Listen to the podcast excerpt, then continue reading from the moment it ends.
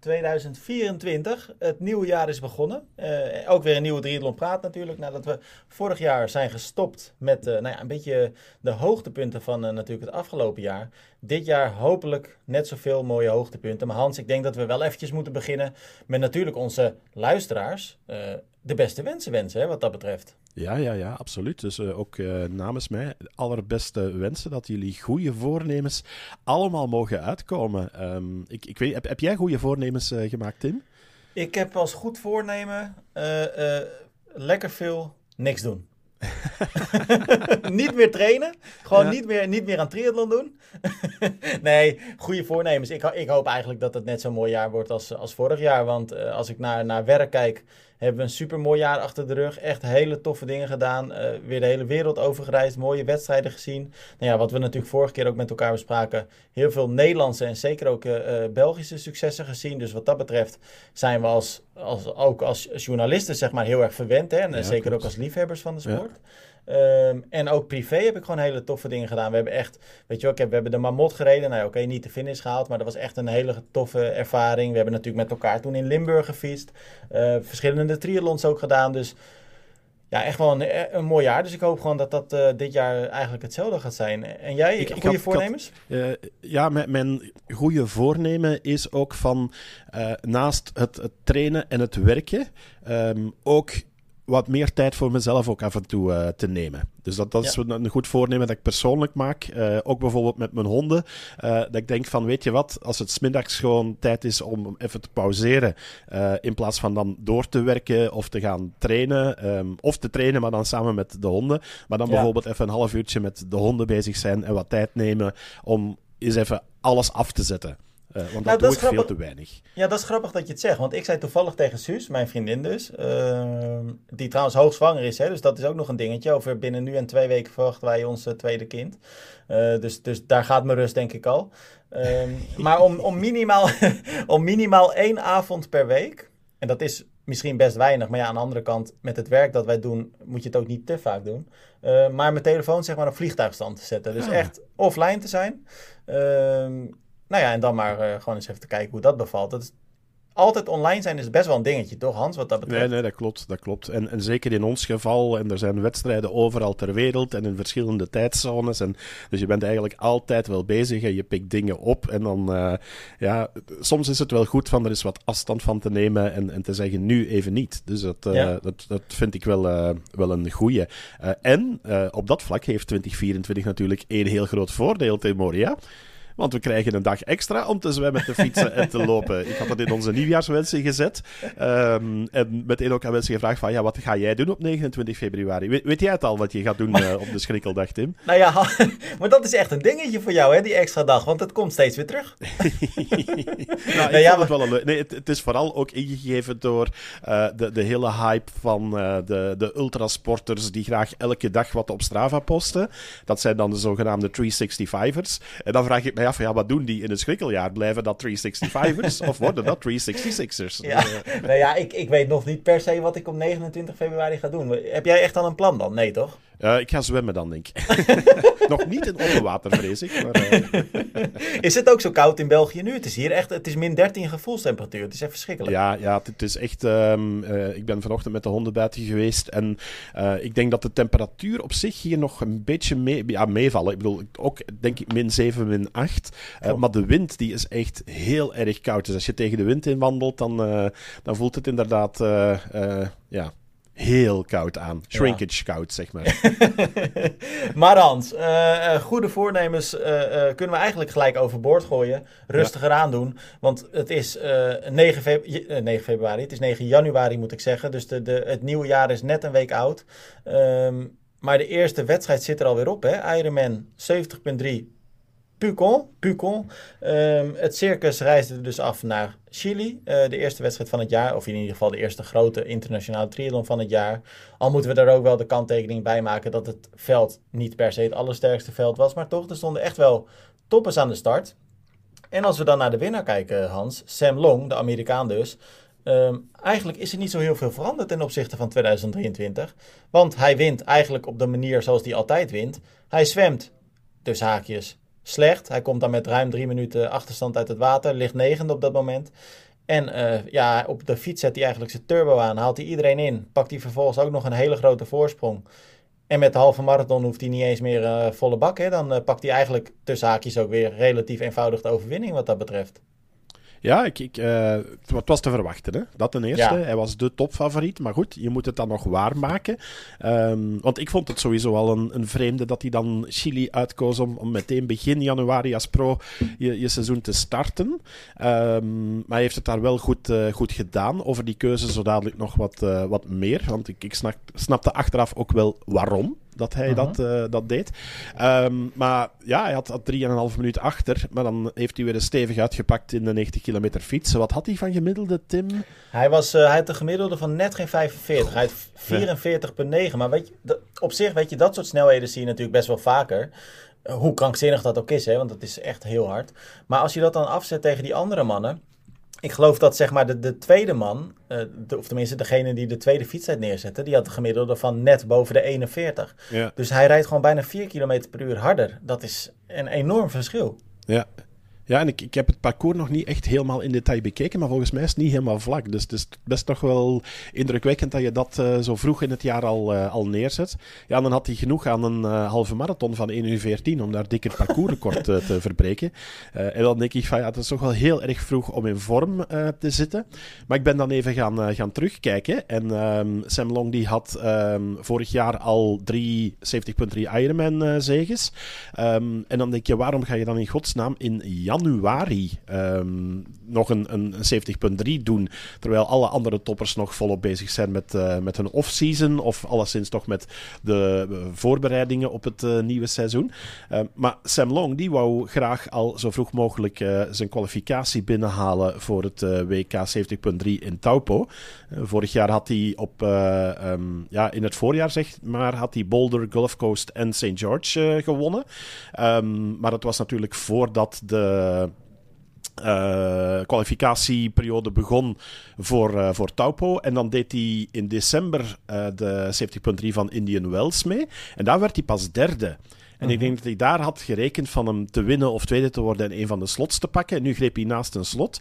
En dan denk je dat hij op dat moment heeft beslist van dan train ik door tot uh, januari, dan pak ik dan mijn slot en dan heb ik dat tenminste al uh, achter de kiezen.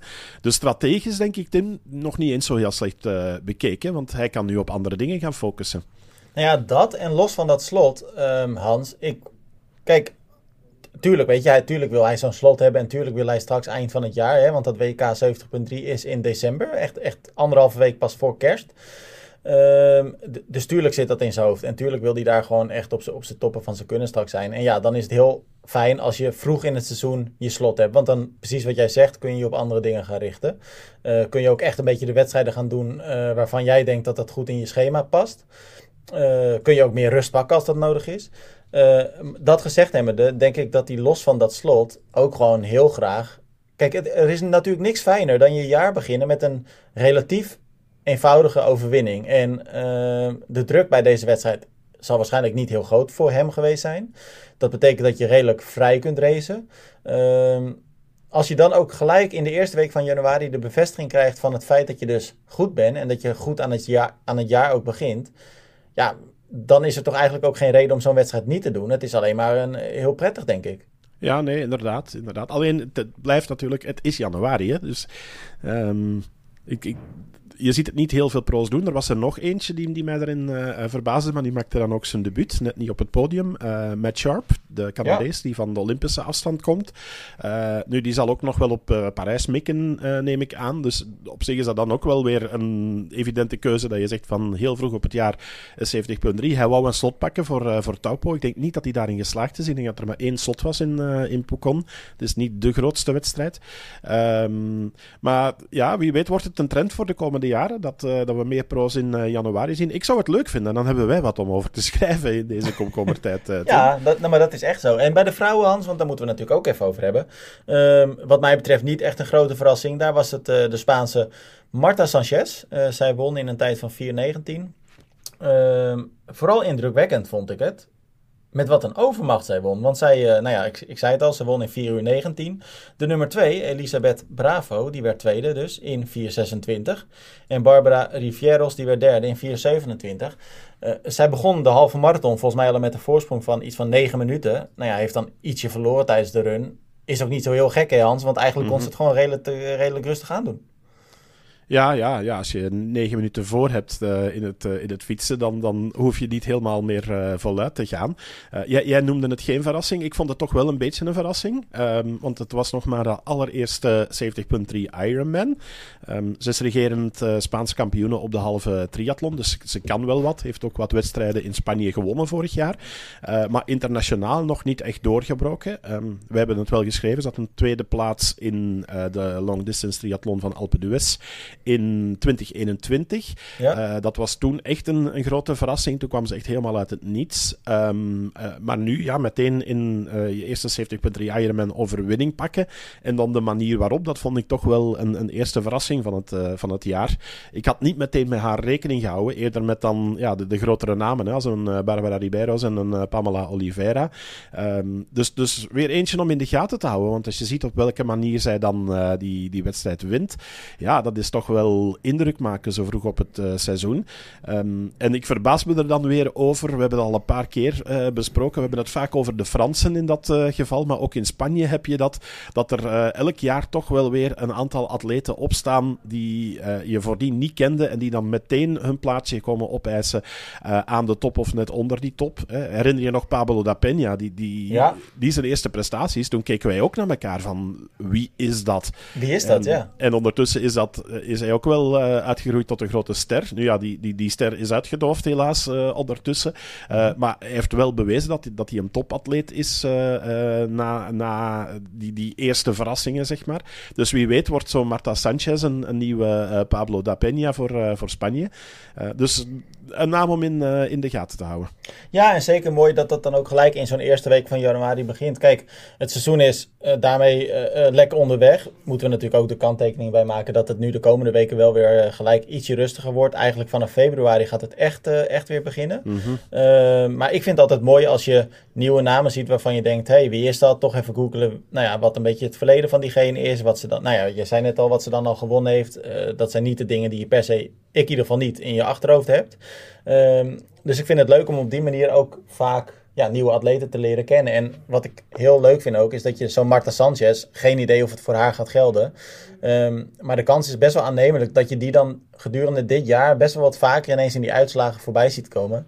Um, nou ja, en daarmee is, is, is er ook gewoon een mooi verloop in dat deelnemersveld, of, hè, of in dat profveld. En, en dat vind ja. ik tof.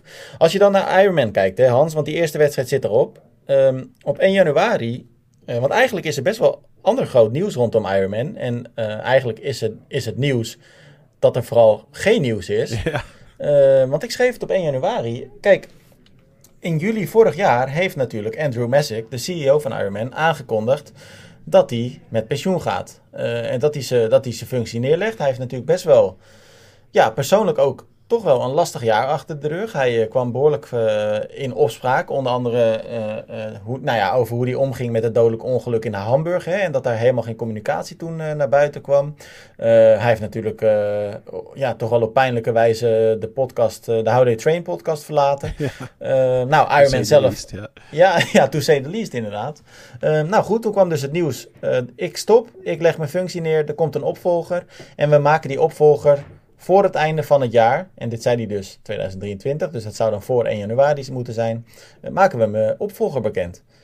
Maar goed, je voelt hem dus al aankomen. Er is geen opvolger bekendgemaakt. En um, dus dat is natuurlijk al opvallend. Ik heb ook gelijk even alle kanalen eens even een beetje gecheckt van Ironman. Um, eigenlijk sinds dat bericht dat, dat hij dus zijn functie zou neerleggen, is er helemaal niks meer naar buiten gekomen over een eventuele opvolger. Eigenlijk ook niet over een sollicitatieprocedure. Um, ik vind het opvallend, Hans. Ik weet niet hoe jij daarnaar kijkt. Ja, ja, ja. Het, het, uh, het heeft voor mij een beetje zo uh, PTO-tour aankondiging geweest. Uh, sfeertje er rond. maar daarover misschien straks wat, wat meer. Um, maar, maar ja, ik had ook wel verwacht dat er wel wat communicatie zou komen. Ondertussen, langs de andere kant, dat hebben we toen ook um, met elkaar besproken in de podcast. toen dat nieuws kwam dat Andrew Messick zijn, zijn afscheid aankondigde. Um, het zijn natuurlijk grote schoenen om, uh, om in te stappen en, en iemand als Messick op te volgen. En ik denk ook als CEO van, uh, van Ironman. Ja, je, kan denk ik op dit moment niet winnen. Um, nee. Je gaat altijd bakken kritiek over je heen krijgen. Um, het, het, is niet de gemakkelijkste periode, denk ik, om anno 2024 uh, in de voetsporen te treden van een Andrew Messick en, en sowieso CEO te worden. Plus, ja, ik, ik weet ook niet of de kandidaten voor het rapen vallen uh, voor, uh, voor zo'n functie. Um, er, ging het gerucht dat uh, AJ Singh, de, de CFO van, van Ironman Groep, dat die mogelijk zou overnemen. Ehm, maar ook daar hoor je weinig van. en sowieso is het eigenlijk heel erg stil. Meestal hoor je wel in het circuit af en toe geruchten. Um, maar goed, we zitten nu natuurlijk ook wel een beetje in de winterstop langs onze kant. Dus je komt minder op wedstrijden, je hoort ook wat minder. maar ik vind dat ook opvallend stil uh, rond, uh, rond dat verhaal. Maar heb je dan het idee dat dat een, een, een slecht teken voor Ironman is? Want je zou kunnen zeggen dat als je eigenlijk hè, wereldwijd naar alle grote bedrijven kijkt, hè, dus niet per se triathlon, maar gewoon grote bedrijven, toonaangevende bedrijven. En laten we eerlijk zijn, Ironman is, is gigantisch. Is gewoon bepalend ook in de triathlonsport. Uh, zo simpel is het. Uh, doen ook heel veel dingen echt supergoed. Dus, dus wat dat betreft, weet je, duizenden atleten gaan er natuurlijk altijd van start eigenlijk. Um, als je dan geen CEO kan vinden, want dat is natuurlijk, jij zegt het al, het zijn grote, grote schoenen om te vullen. Um, ja, vaak zijn het ook wel uh, functies die natuurlijk uh, toch wel begeerig maken. Er zijn best wel mensen die heel graag zo'n functie zouden willen hebben. Dat je dan, nou ja, juist als zo'n groot bedrijf er blijkbaar niet in slaagt tijdig een opvolger te vinden. Ja, in mijn eerlijke beleving is dat geen goed teken. Dat lijkt me geen goede ontwikkeling ook wat dat betreft. Ja, het wordt misschien toch tijd dat ik mijn kandidatuur instuur. ik zou voor je stemmen hoor, Hans. ja, ja, ja. Nee, maar gek, misschien, misschien moet uh, uh, Sam van uh, PTO de, de stap gaan zetten. Want... Ik heb het toen tegen je gezegd. Hè? ik, zou het niet, ik zou het niet. ik, zou het niet ik zie dat eerlijk gezegd nu toch niet meer gebeuren. Want ik denk nee, dat nee, ze nee. bij de PTO heel wat... Maar daar gaan we het zo dan even over hebben. hebben ze andere dingen aan hun hoofd. Maar het is in ieder geval een, een opvallende... Ehm, nou ja, manier om het jaar te starten.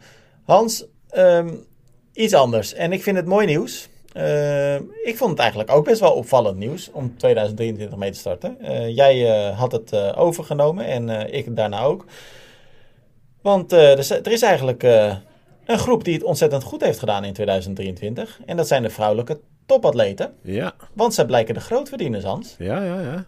Ja, ik, ik vind dat een, een, een zeer opvallende.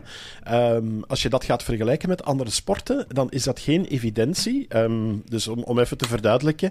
Uh, Torsten Radde van TriRating heeft een tabel opgesteld met het prijzengeld van 2023 onder de prof-triatleten. Uh, uh, en die heeft daarbij alle circuits bij elkaar gezet. Dus Ironman, PTO, World Triathlon, Super League, Challenge um, en andere. en dat dan allemaal bij elkaar opgeteld. Ik denk gewoon de bruto bedragen want dat was ook wel een reactie die her en der uh, komt van ja, uh, je moet dat natuurlijk uh, altijd in het teken zien van belastingen die daar nog moeten opbetaald worden en sociale lasten en dergelijke. maar, maar gewoon het, het, grote plaatje zegt wel dat in de top 5 Christian Bloemenveld de enige man is en dat de rest allemaal vrouwen zijn. En dan denk ik niet, Tim, dat er veel sporten zijn die hetzelfde kunnen zeggen. Dat weet ik eigenlijk wel zeker. En ehm, er zijn wel meer dingen eerlijk gezegd hoor, die me opvallen. Want als we dan even naar die top 5 bijvoorbeeld kijken. Hè. Anne Hou, grootverdiener. Uh, nummer 1 dus, 335.000 dollar. Ik rol het dan even af. Uh, Christian Bloemenveld, zoals jij net zei, de enige man. Nummer 2, 325.000 dollar. En dan hebben we Ashley Gentle, Taylor Nip en Lucy Charles Barkley. Uh, ja. Nou, die hebben dan respectievelijk 323.000, 281.000 en 246.000. Dus je ziet ook best wel een enorme drop daarin al. Um, Als je, wat, als mij daarbij bij opvalt, uh, Tim, is Lucy mhm. Charles Barkley is wereldkampioen Ironman. Ja. En oké, ze is een, een tijdje geblesseerd geweest, dus ze heeft ook minder wedstrijden kunnen doen. Uh, maar ze verdient als wereldkampioen Ironman een stuk minder dan de dames die in de PTO uh, sterk voor de dag zijn gekomen. En hetzelfde geldt eigenlijk bij de bannen, want Christian Bloemenveld heeft geen enkele goede Ironman gedaan, maar staat daar wel als hoogstgenoteerde man met het prijzengeld wat hij in de PTO heeft opgeraapt. Um, ja. Dus dat, dat, dat is toch wel heel opvallend opvallend uh, hoeveel geld er bij de PTO te rapen valt. Ja, want als je dan ook bijvoorbeeld verder naar beneden op de lijst kijkt, dan zie je Sam Laidlow, die heeft natuurlijk ook uh, Kona gewonnen. Nou ja, Nice was het in het geval van de mannen natuurlijk. Die is dus ook wereldkampioen Ironman. Die staat op een vijftiende plaats.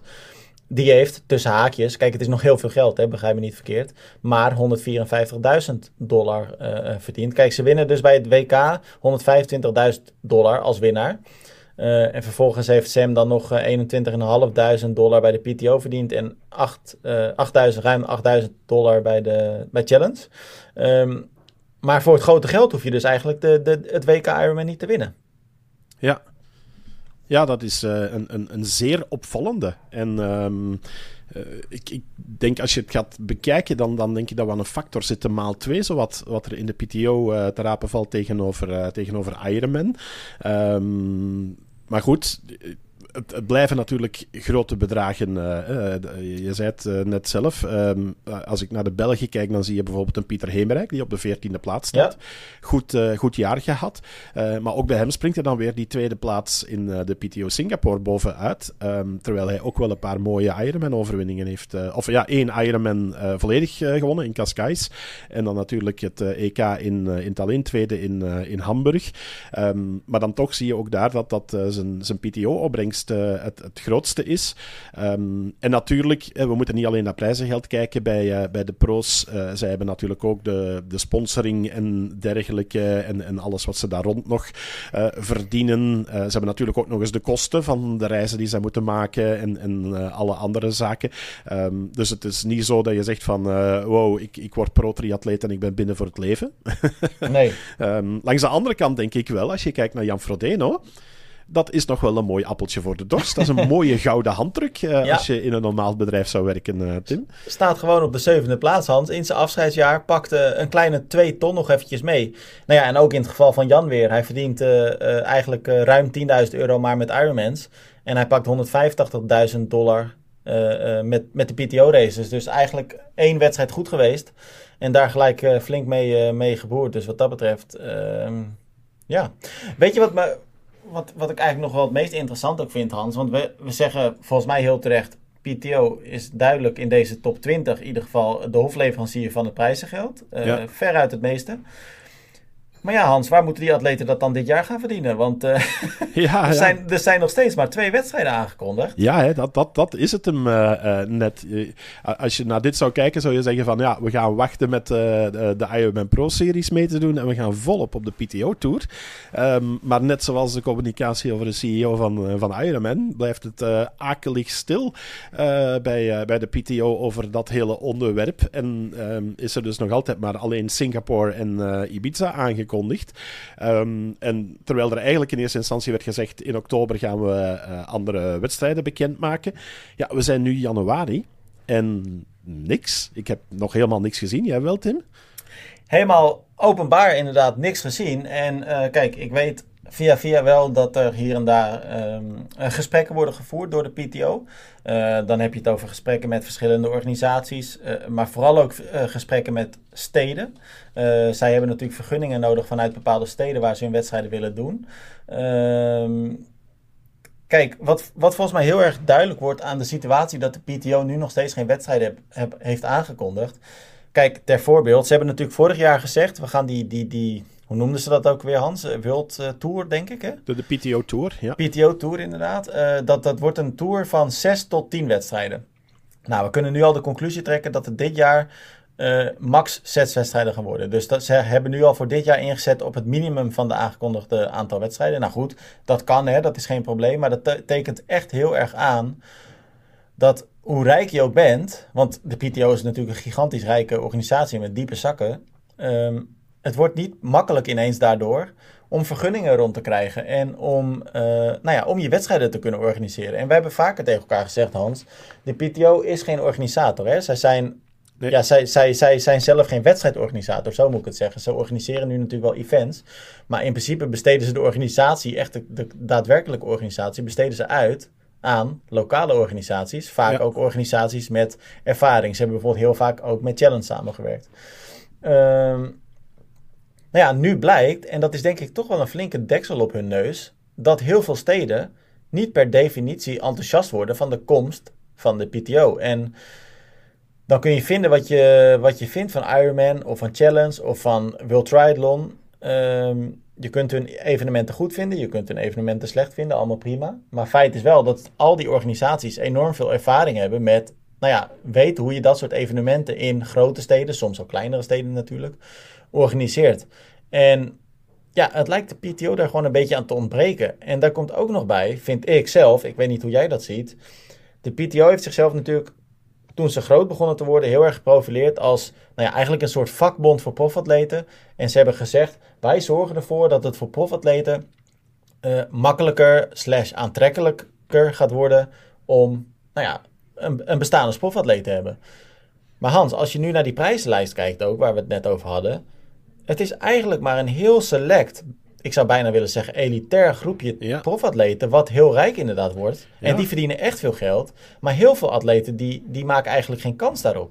Nee, nee, nee. Ze zijn echt een, een serieuze kloof aan het uh, creëren tussen de, de absolute toppers en, en degenen die net onder dat niveau zitten. Laat staan degenen die, die nog uh, zich volledig moeten gaan bewijzen en, en, proberen naar dat hoge niveau toe te groeien. Um, uh, zeker voor jonge talenten wordt het een uitdaging, denk ik, om zich daar ooit tussen te werpen. Um, dus, dus dat wordt sowieso al een hele uitdaging. Um, verder was ik ook nog even aan het kijken naar waarom nu de PTO nog geen nieuwe wedstrijd heeft aangekondigd ze hebben daar een statement over gemaakt. Uh, ik geloof dat dat bij Slowtwitch uh, was, die geïnformeerd hadden van hey jongens, eh, PTO, hoe zit het met die wedstrijden? Um, en dat ze zeiden van ja, we zijn in overleg met een aantal steden, zoals jij zei, maar um, de vergunningen zijn nog niet rond. Want ja, zij beginnen natuurlijk van scratch, waar Ironman en Challenge en World Triathlon en dergelijke kunnen terugvallen op wedstrijden die al een bepaalde historiek hebben, die, die samenwerken met steden en gemeenten. Um, dus dat maakt het al wat moeilijker. En een tweede is ook dat de PTO een keihard requirement heeft en zich daarmee onderscheidt. En ik weet eigenlijk niet of dat een goede is, Tim. Uh, maar zij willen absoluut aparte races voor de pro's en voor de agegroepers. Terwijl ik vind net binnen Ironman, en zo zijn er heel veel atleten die dat ook aangeven, zij vinden het leuk om in dezelfde reeks of in dezelfde wedstrijd te racen als een Christian Bloemenveld, een Pieter Hemerijk, een Jan Frodeno. Dat spreekt net aan. En PTO zegt nee, wij willen die topraces voor onze pro's apart houden, geen agegroepers erbij, die kunnen een dag eerder of een dag later. Ja, ik ben het helemaal met je eens. Ik denk ook dat de magie van triathlon juist is dat je als aidsgroeper, en laten we eerlijk zijn, uiteindelijk is het grootste verdienmodel de aidsgroeper, hè? Niet, niet een profatleet natuurlijk. Een profatleet kost eigenlijk alleen maar geld voor organisaties. Ehm, de magie als aidsgroeper is dat je inderdaad s ochtends vroeg om half acht met je voet in het stand staat, om je heen kijkt en ineens, uh, uh, bij wijze van spreken, drie rijen achter Sam Letelo staat. Of achter Anne Haug, of wie dan ook. Um, je, je kunt ze eigenlijk gewoon echt aanraken. En uh, er is geen enkele sport. Jij zei net van zijn er andere sporten waarbij vrouwen meer verdienen dan mannen. Uh, nou, niet zo snel dat wij weten. Maar er zijn ook volgens mij bijna geen profsporten waar je inderdaad zo dichtbij eigenlijk je helden staat. Um, en de PTO maakt daarin inderdaad een andere keuze. Zij, zij scheiden ook vaak die dagen zelfs. Hè? Dus dan doen ze bijvoorbeeld op zaterdag de profrace en op zondag de age group races. Of andersom. Um, en zij zetten daarbij ook heel erg in op die tv-rechten. Want zij willen uiteindelijk gewoon rijk gaan worden aan het verkopen van tv-rechten van wedstrijden. Nou, we hoeven er geen doekjes omheen te winden. De wedstrijden die ze uitzenden zijn echt heel goed in beeld gebracht. Je hebt een goed overzicht. Je hebt een goed overzicht ook van de tussenstanden. Dat hebben ze echt dik op orde. Dus dat, dat is helemaal, helemaal top. Um, tegelijkertijd, Hans, ik moet ook heel eerlijk zeggen ondanks dat al die wedstrijden sterk bezet zijn, hè, want ze hebben altijd echt wel de, de 10, 15 uh, uh, beste atleten van dat moment vaak aan de start. Toch vind ik die wedstrijden best wel vaak silo's en zelfs een beetje saai om te kijken. Ja. Maar dat heeft er ook weer mee te maken van, ze missen uh, historiek. Um, en en uh, je moet het publiek er ook naartoe kunnen trekken met, met verhalen, met, uh, met beleving. Um, en dan, als je dan bijvoorbeeld gaat kijken naar hun PTO in, in Singapore, dat was een, een leuke wedstrijd, best wel spannend, hè, korte -huh. rondjes, veel te beleven en dergelijke. Ga je naar die finish kijken, ja, dan missen daar wel een paar dingen. Dan, dan denk ik van ja als je dat vertaalt naar bijvoorbeeld de finish, hè, we hebben het eerder gehad in, in de podcast daarover. Als je dat vertaalt naar de finish van het WK Ironman in, uh, in Kona. Ja, daar staan gewoon duizenden mensen langs de kant en die gaan helemaal uit hun dak. En, en dat mis ik inderdaad nog wel bij uh, PTO. Ik moet wel zeggen waar zij wel heel goed in zijn. En dat is meteen ook de verklaring waarom ze zeggen van wij willen gaan voor dat selecte elitaire groepje. Um, ze willen de sport naar tv brengen. En dan hebben ze net wel weer die toppers nodig. Herkenbare figuren, figuren ja. met een verhaal. Ik, ik, vergelijk het af en toe met de, de, de Formule 1, waar je dan de, de 20 rijders uh, hebt die ook binnen uh, de sport soms, ik denk dat dat nog in de triathlon anders is, want daar zijn het echt wel uh, absolute toppers die, uh, die meedoen. Um, maar uh, binnen de Formule 1 zijn het ook niet altijd de beste piloten die in de beste wagen terechtkomen. Meestal zijn het daar degenen met het meeste geld. En ik, ik vrees dat dat binnen de PTO op een gegeven moment ook wel een ding gaat worden door die grote kloof. Ja, hoe ga je je daar ooit als, als jong talent tussen mengen? Dus daar zitten nog wel een paar uitdagingen in. Ja, nee, 100%. En tegelijkertijd, wat jij zegt, is heel terecht. Ik, ik, zei het net ook al, ze zetten vol in op die, die tv-rechten. En, en dat doen ze ook nogmaals echt goed. Het zijn goede uitzendingen die ze maken. Het zijn ook prachtige locaties. Maar goed, als je de sfeer nog niet hebt, wordt het lastig. Ja. En als je dan kijkt naar Ironman, uh, jij zei net ook al, duizenden mensen in Kona aan de, aan de finish. Ook in Nice, hè, waar helemaal geen historie was. Het was de eerste wedstrijd, of althans geen WK-historie, dat moet ik zeggen. Ironman Nice is zelf natuurlijk wel bekend. Uh, maar het was de eerste keer dit jaar uh, WK. Daar stond het ook rijden dik bij de finish. Dus Ironman krijgt dat wel gelijk voor elkaar. Um, maar, maar dan moet ik wel zeggen, qua tv uh, is Ironman dan wel weer degene die een beetje het kneusje is van de klas, uh, Tim. Ja, dus, nou ja, dat, dat wilde ik inderdaad zeggen. Maar, maar, maar tegelijk, want ik wilde even een bruggetje slaan. Want, want zij hebben inderdaad zeker 2023 best wel heel veel slechte wedstrijden gehad qua livestream. Uh, ook Challenge Family heeft een paar uh, uh, missers gemaakt daarin. Um, maar, maar dat gezegd hebbende, als je bijvoorbeeld nu naar Ironman kijkt, want dat hebben wij ook allebei deze week geplaatst. Zij hebben nu dan weer, die, of aan het eind van 2023, die een drie uur durende documentaire van, van het WK gemaakt. Hè? Dat WK, ja. zowel Nice als Kona. Ik heb hem nog niet helemaal gekeken. Ik kijk steeds stukjes tijdens het Zwiften. Uh, ik zou dus eigenlijk langere ritten moeten maken, Hans. Maar...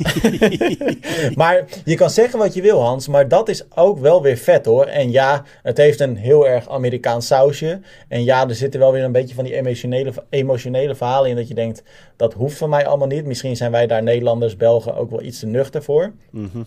Maar dat is wel weer erg tof gemaakt. En het ziet er cool uit. En als ik het zie, dan denk ik wel yes, weet je wel, ik heb gewoon weer zin om een triathlon te doen. Je komt ja, echt een ja. beetje in die, in die stemming. En dus ja, daar hoef je niet de PTO voor te zijn om dat zo goed te kunnen doen. Nee, nee, nee, nee klopt, klopt. M misschien moeten ze gewoon de krachten gaan bundelen. Misschien moeten we zelfs helemaal niet meer hebben over wie de nieuwe CEO wordt. We gewoon zeggen van uh, PTO en Ironman gaan gewoon eens samenwerken. The best of both worlds uh, uh, samen. Ik denk niet dat dat gaat gebeuren. Nee, niet re Want dat is ook, ook best wel gek, hè? Want de PTO heeft volgens mij nog nooit eigenlijk met Ironman samengewerkt wat dat betreft. Um, nee, denk ik. Ja, inderdaad.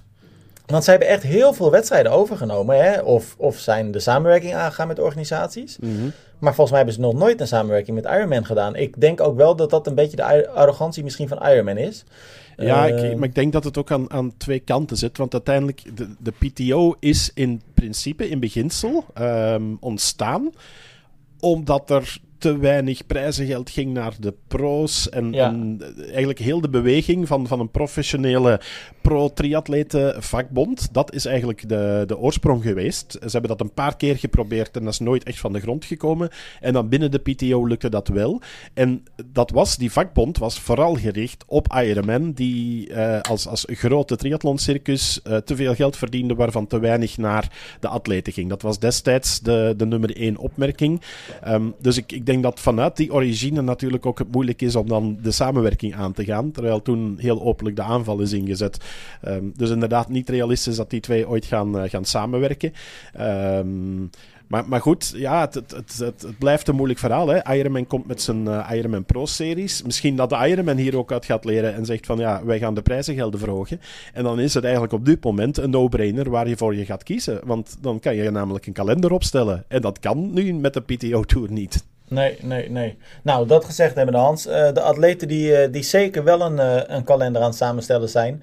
En waarschijnlijk ook in grote getal dat al, dat al eigenlijk afgerond hebben. Want het kan ook niet anders. De Olympische Spelen staan natuurlijk over een paar maanden. Nou ja, het duurt nog wel eventjes. Wat is het? Juli of augustus? Augustus, denk ik, hè? De uh, ik ga mijn kalender erbij pakken, want ik heb ze erin staan voor de of het zou wel juli dagen van uh, de triathlon. Want het is inderdaad, dacht ik, eind juli en begin augustus. Ja. Want ik ben nog aan het kijken van nou, er, naartoe te trekken. Ja, 30 en 31 de mannen en de vrouwen. Op 30 en 31 juli. En dan 5 augustus uh, is de Mixed Team Relay. Ja, precies. Oké, dus eigenlijk juli en augustus. Ja. Uh, maar uh, een gigantisch belangrijk jaar, Hans. Voor al die, die mannen en die vrouwen die, die op het hoogste niveau short distance races doen. die hebben dus nog een, nou ja, laten we zeggen, ongeveer zes maanden om zich te kwalificeren. Volgens mij eindigt het trouwens eind mei of zo, die kwalificatieperiode. Ik zou het ook even op moeten zoeken. Ehm, maar dat betekent dat er gewoon cruciale maanden aan gaan komen. Um, nou ja, gelukkig heeft World Triathlon natuurlijk al die, uh, die World Cups uh, en WTCS races allemaal uh, in kaart gebracht. Dus wat dat betreft is een schema maken een stukje eenvoudiger voor, voor hen. die Olympische kwalificatiepunten, daar gaat het allemaal om. Wat dat betreft, opvallend begin ook wel weer van 2024. Gustav Idenhans. Um, we hebben het natuurlijk vaker met elkaar besproken. Hè? 2023 was echt een moeilijk jaar voor hem.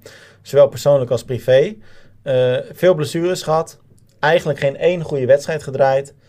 En daarbovenop kwam natuurlijk nog het enorme verlies van, uh, van zijn moeder, die overleed. Uh, na een lang ziekbed. Um, hij omschrijft het ook als, als eigenlijk het, het meest uitdagende jaar in zijn leven. En dan zegt hij ook letterlijk erbij zelf, zowel persoonlijk als privé. Of zowel zakelijk als privé.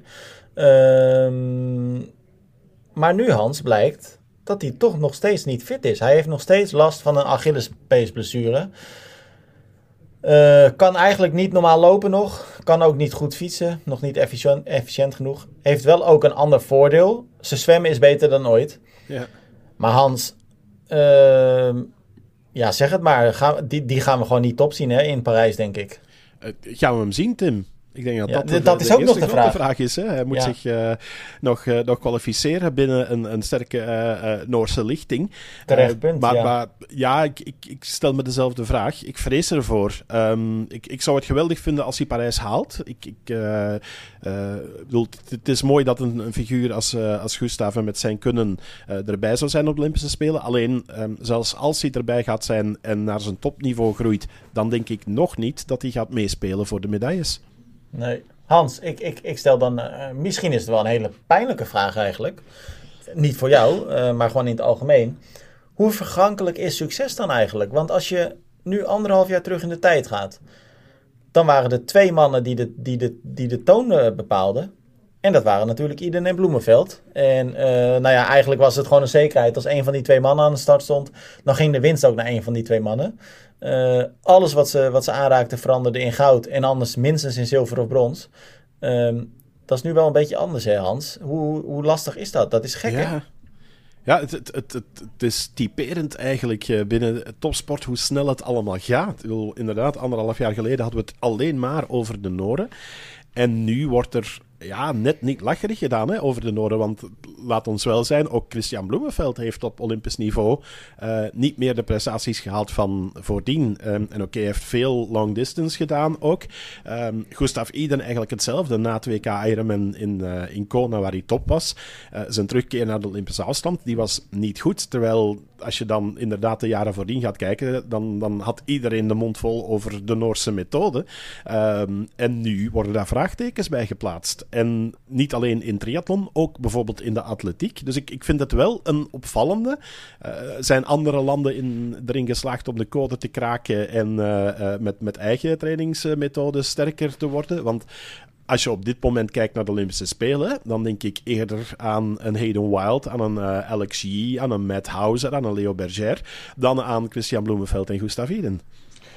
Ja, helemaal eens. En... Um zijn natuurlijk ook mooie namen, hè? begrijp me niet verkeerd. Dus wat dat betreft maken we, maken we ons sowieso op voor een prachtige Olympische Spelen. Maar goed, daar, daar, hebben we het later over. Dat is nog een tijdje weg.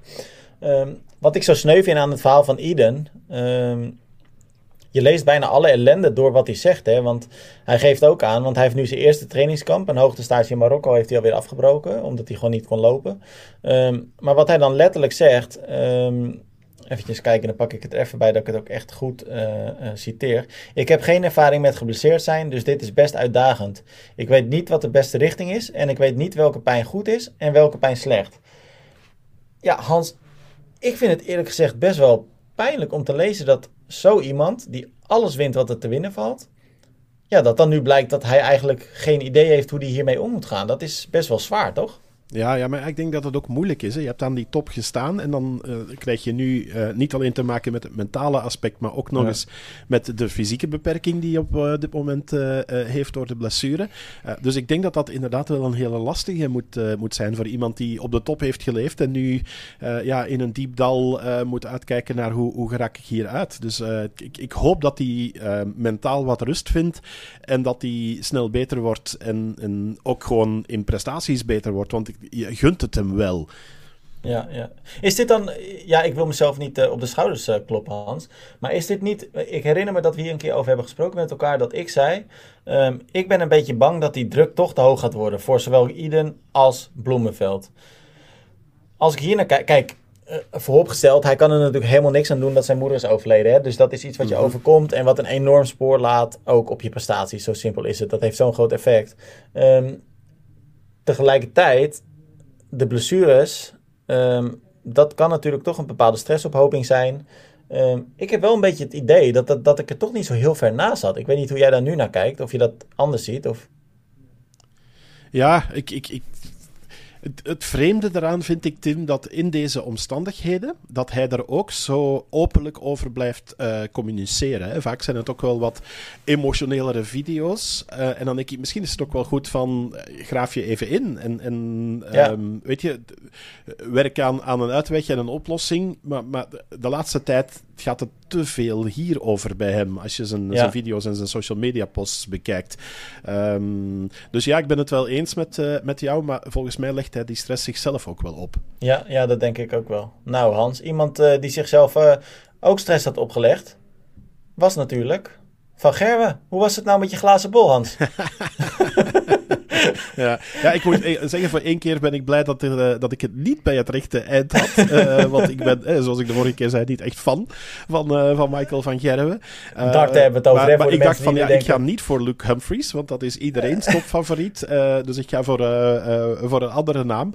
dus ik had beter bij mijn eerste keus gebleven en toch Luke Humphries gekozen.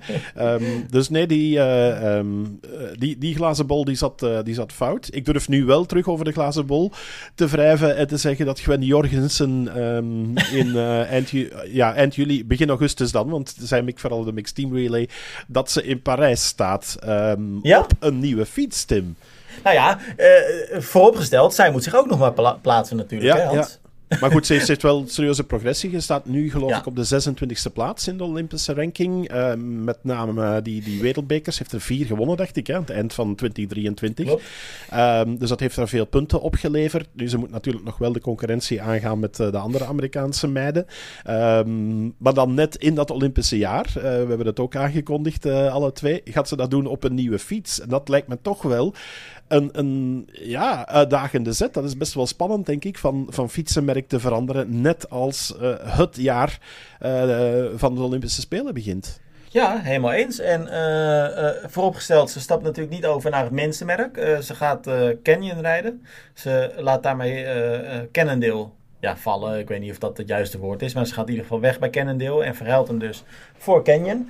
Nou ja, we weten allemaal, uh, veel van de beste triatleten rijden toch uh, graag op een canyon. Um, dus mooie fiets. Wat ik opvallend vind, is dat zij zelf daarover schrijft, of ze zei het geloof ik in een video, dat ze het niet uitsluit dat ze de komende weken, misschien zelfs maanden, um, niet dezelfde power en daarmee dus ook snelheid kan gaan leveren op haar nieuwe fiets. Omdat ze gewoon moet wennen aan nou ja, nieuwe houding, nieuwe ja, eigenlijk alles is nieuw natuurlijk met zo'n fiets. Ja, ja misschien komt dat omdat ze, heeft waarschijnlijk jou in, in de gaten gehouden, hè? jouw Strava-prestaties. jij, jij rijdt toch ook op die Eyeroad? ja, ja, ja. En jij hebt me gezien, hè, Hans. Het was echt een soort tornado ging ik over die berg heen, hè? Ja, ja ik, ik ben ook zeer benieuwd hoe jij het gaat doen in Parijs, Tim. nou ja, nee, dat, dat gaat nog heel lang duren. Maar nee, maar kijk, weet je, ik ben ervan overtuigd. Kijk, ik ben heel erg te spreken over Canyon. En uh, kijk, zij zijn natuurlijk uh, partner bij ons op Triathlon. Maar ik mag er gewoon over vrij over praten. En als het een vervelende fiets zou zijn, dan zou ik het ook gewoon zeggen.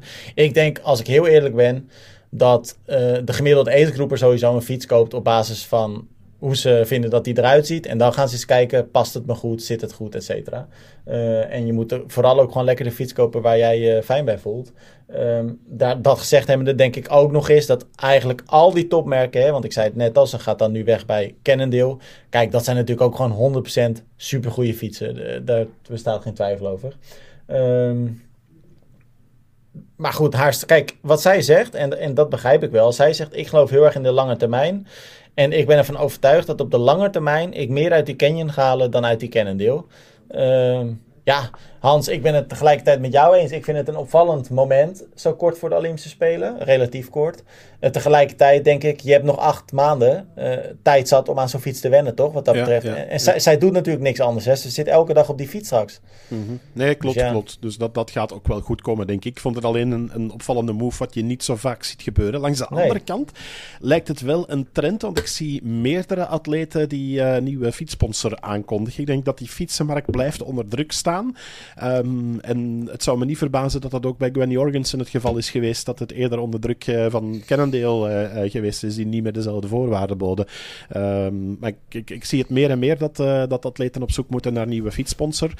dus niet, niet zo evident meer in, in 2024 blijkbaar. Nee, nee, inderdaad. Dat zou inderdaad heel goed kunnen. Hans, vraag je, hoe oud ben je eigenlijk? ja, dat vind ik altijd een leuke vraag. Uh, ik, ik word er 52 dit jaar. Uh, je wordt twee, dus je bent 51. Ja. Lijkt het je leuk om tot je 103 bent, elke dag minstens 1,6 kilometer hard te lopen, of niet?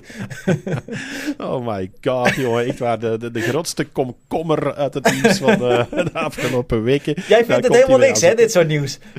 Ja, ik, ik, ik, ik heb het zien voorbij komen. Ik vond het net ook iets te ver uh, van, van uh, onze triathlonsportzaal. Aan de andere kant heeft te maken met lopen. Um, en het is ook bij ons in de media uh, erg gedeeld en, en opgenomen geweest. Maar ik, ik heb zoiets van... Ja... Weet je, 52 jaar lang elke dag lopen. Uh, mooie uitdaging als je 11 jaar bent, denk ik dan, ja, over de termijn gesproken. Hè? Ja, want daar gaat het inderdaad om voor de mensen die het misschien niet gezien hebben. Het gaat over de 11-jarige schot Seb Jellema. Uh, die wil, uh, nou ja, ja Hans, nou, ik zal eerst even zeggen waar het over gaat. Hij, wil, uh, hij is vorig jaar gestart, dus het is een beetje gek dat het nieuws nu naar buiten kwam. maar hij is dus eigenlijk al bijna een jaar bezig. Um, hij wil 52 jaar en 39 dagen lang iedere dag hardlopen. Dat betekent, en dan moet hij dus iedere dag 1,6 kilometer, een mijl uh, lopen. Nou, dat, als hij dat haalt, betekent het dat hij in 2075 klaar is. Dan is hij 62. Uh, en dan heeft hij dus de streak verbeterd van uh, Ron Hill, die dus, nou ja, die 52 jaar en 39 dagen, dat record, dat heeft hij staan.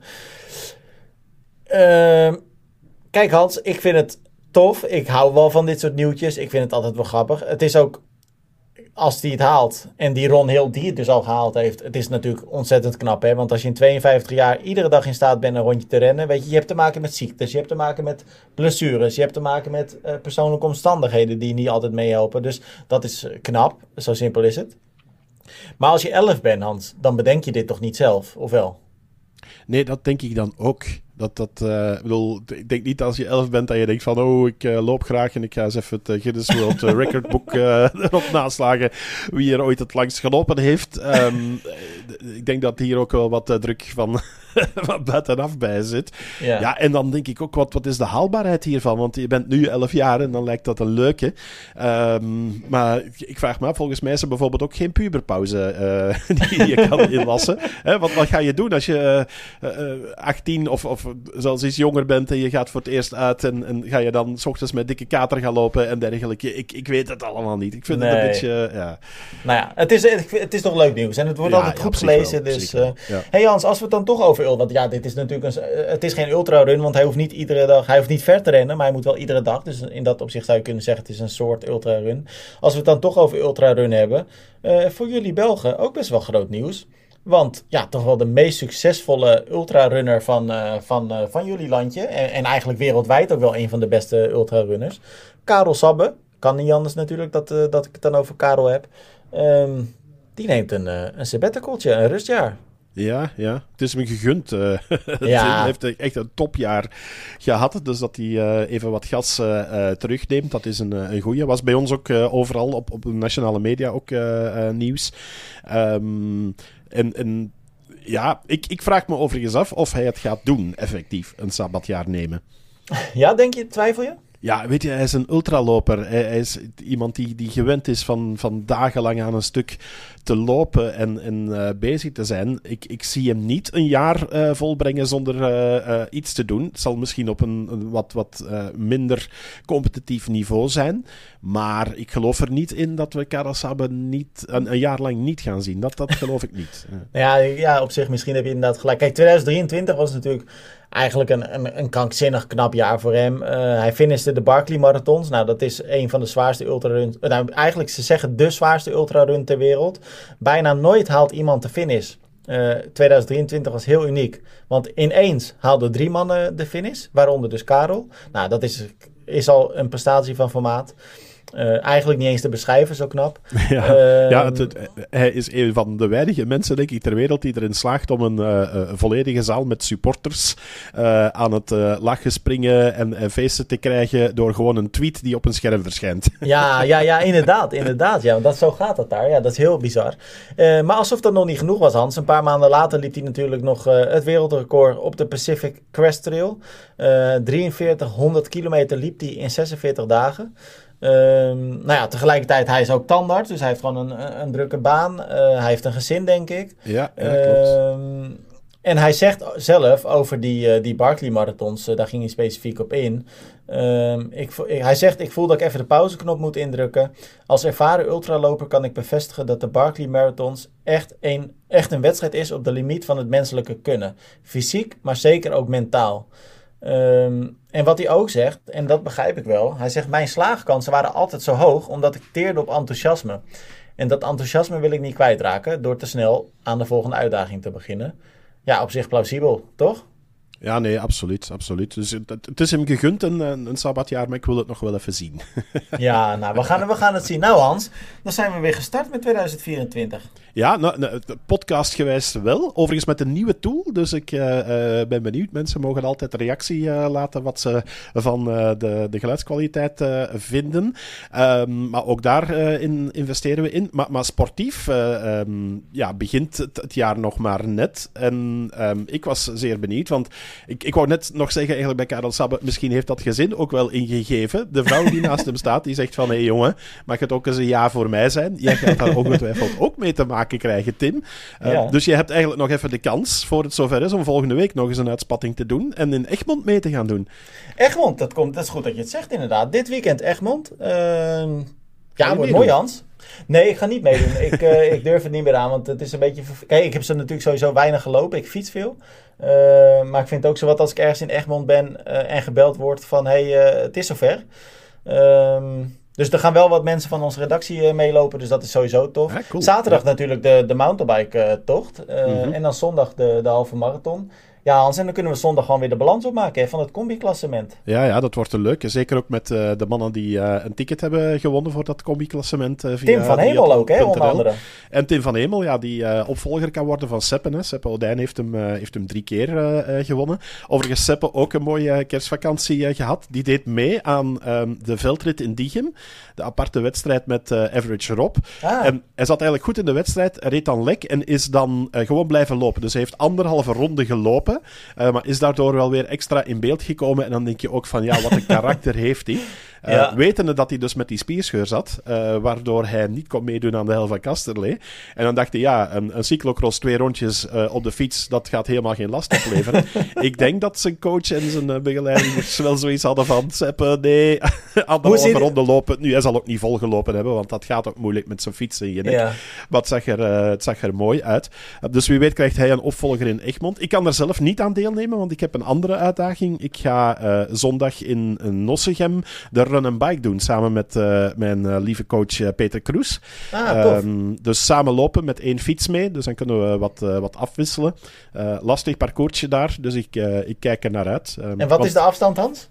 Uh, eh, 7 of 14 kilometer. We hebben nog niet besloten, maar ik denk dat we de 7 gewoon gaan doen om maar het dan, seizoen te openen. Want ik ken, ik ken die wedstrijd niet. Dan wissel je elkaar af of moet gewoon eentje lopen, eentje fietsen? Ja, je, je doet het dus samen en eentje loopt en eentje fietst. En je mag constant van fiets wisselen. Ja, dus precies, je okay. kan zeggen, elke kilometer wissel je of elke 500 meter.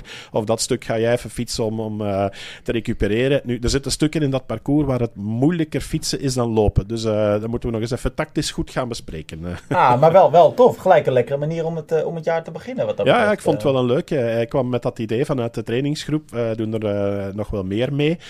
We hadden zaterdag al de eerste run bike in, in Vilvoorde van BIN, het triathlon-team van de NATO in, in Brussel. 125 teams, dus meteen uitverkocht. Um, ik stond zelf bij de Wienerberger Trail in de Schorre in Boom, het domein van Tomorrowland. maar dat was nu het Tomorrowland van de trailrenners. Ook best veel triatleten en duatleten die ik daar gezien heb, met goede prestaties ook. Uh, Vic van den Dalen die gewonnen heeft, Nele Vermeulen die Katrien Verstuif klopte. Um, dus het, seizoen meteen mooi begonnen, um, in lekker fris weer. Dus ik hoop zondag ook dat het ook zoiets zoals vandaag is, maar dan mag het net iets minder koud zijn. Ja, ja dat, dat is inderdaad hoop. Maar Hans, ik mis jou eigenlijk wel bij uh, ja, toch wel misschien wel de, het evenement van, van januari. Hè? Dat is natuurlijk de traditie, de Tour de Swift. En uh, ik heb de eerste drie ritten er al, de eerste twee ritten moet ik zeggen, want de derde komt uh, dit weekend online. Ik heb de eerste twee erop zitten. Jij, jij rijdt dat niet mee, hè, of wel? Nee, ik heb hem nog niet geïnstalleerd. Dus uh, ah. dat, dat, dat, zit al even, staat het op de planning. maar dan denk ik van ja, dat doe ik de volgende keer wel. Hans, één dingetje moeten we nog wel even bespreken. Want dat was natuurlijk, dat is nog wel even belangrijk. is, is interessant nieuws voor de Nederlandse lange afstand triathlon. zijn we eigenlijk helemaal vergeten. Um, er is een uh, nieuw triathlon-team ja, uh, ja. in Nederland. Dat werd uh, aangekondigd begin januari. En die richt zich met vijf atleten op de lange afstand. Ja, ik denk een goede ontwikkeling, Hans, voor de, voor de sport. ik, ik weet niet of dat in België hetzelfde is. Want in Nederland, en zeker financieel gezien, is de lange afstand best wel een ondergeschoven kindje. Ik, ik, denk dat dat in België ook wel is, of niet? ja, op op het gebied van de federatie wel. Um, want natuurlijk de centen die komen bij ons van Sport Vlaanderen. Ik denk bij jullie is dat vanuit uh, eh, NOC-NSF. Uh, ja. um, voor het Olympische programma. En ja, long distance is niet Olympisch, dus zijn daar geen subsidies uh, voor.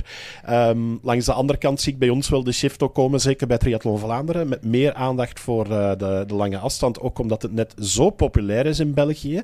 En dat die sport zelfs meer tot de verbeelding spreekt dan, dan de korte afstand. maar bij ons zie je wel clubs die, die ook echt wel toeleggen op, uh, op de langere afstand. Um, als ik bij ons bijvoorbeeld het Oil Service uh, team zie, het uh, Leia Triathlon team Deinze, ja, die, die hebben heel veel um, toppers op de halve en, en de volledige afstand, um, die, die, die dan net onder het pro-niveau hangen, of die wel meedoen aan het pro-circuit, maar niet voltijds uh, prof zijn. Um, maar wat eigenlijk bijna een semi-prof team is op, op dat ja. vlak. Um, dus bij ons zie je dat wel meer op clubniveau. Dat zie je dan weer, denk ik, in Nederland minder. Dus Iets op zich minder, is het wel ja. goed dat er dan een, een team opstaat en, en dan met, met zo'n mannen als een Menno Koolhaas erin. Uh, ja, dat is toch wel een mooi uithangbord, Tim. Ja, nee, zeker, absoluut. En ik denk dat, uh, kijk, kijk, de triathlonsport is in het algemeen aan het groeien, maar de meeste focus ligt toch nog steeds, precies wat jij zegt, zeker bij de federatie. Uh, en in Nederland ook echt heel erg, uh, gewoon op de korte afstand. En dat levert hier nou, het, het, gebeurt best wel regelmatig dat het toch wel wat scheve gezichten oplevert. Je ziet het ook wel best wel vaak als de, als de NTB bijvoorbeeld, de Nederlandse Triathlonbond dus, uh, berichten plaatst over korte afstanden of, of, of de selecties. Dat je dan toch wel uh, vaak reacties ziet van en de lange afstand dan? Hè? En wat doen jullie dan voor de lange afstandsatleten? Uh, wat jij ook zegt, het is heel logisch, want het geld wordt in het laadje gebracht in principe door die korte afstand. Dus dan is het ook logisch dat een bond daarop inzet. Uh, maar de ontwikkeling dat er dan uh, een nieuwe ploeg bij is uh, die zich focust op de lange afstand, dat is goed. En ehm, ja, weet je, de, het is altijd een beetje dubbel. Hè? Want ook als je bijvoorbeeld, er zijn natuurlijk verschillende teams in Nederland. Ehm, en je hebt natuurlijk ook bijvoorbeeld nu in Nederland uh, Cycle, dat fietsmerk, uh, wat aan de weg probeert te timmeren. Uh, zij, hebben ook, zij ondersteunen ook atleten. Dus je zou kunnen zeggen dat het ook een soort team is. Um, maar daar is ook best wel weer wat gedonder met het feit dat zij de, de, de aangesloten atleten eigenlijk verplichten bepaalde coaches te gebruiken. En, en het niet toestaan dat ze dan hun eigen coach kiezen. Um, ja, weet je, dus in dat opzicht heeft het ook wel wat gevaar of zo dan, hè? Ja, ja maar ja, dat, dat, dat is, je hebt het grote voordeel dat je uh, in een team terechtkomt die alles voor je regelen qua uh, materiaal en dergelijke.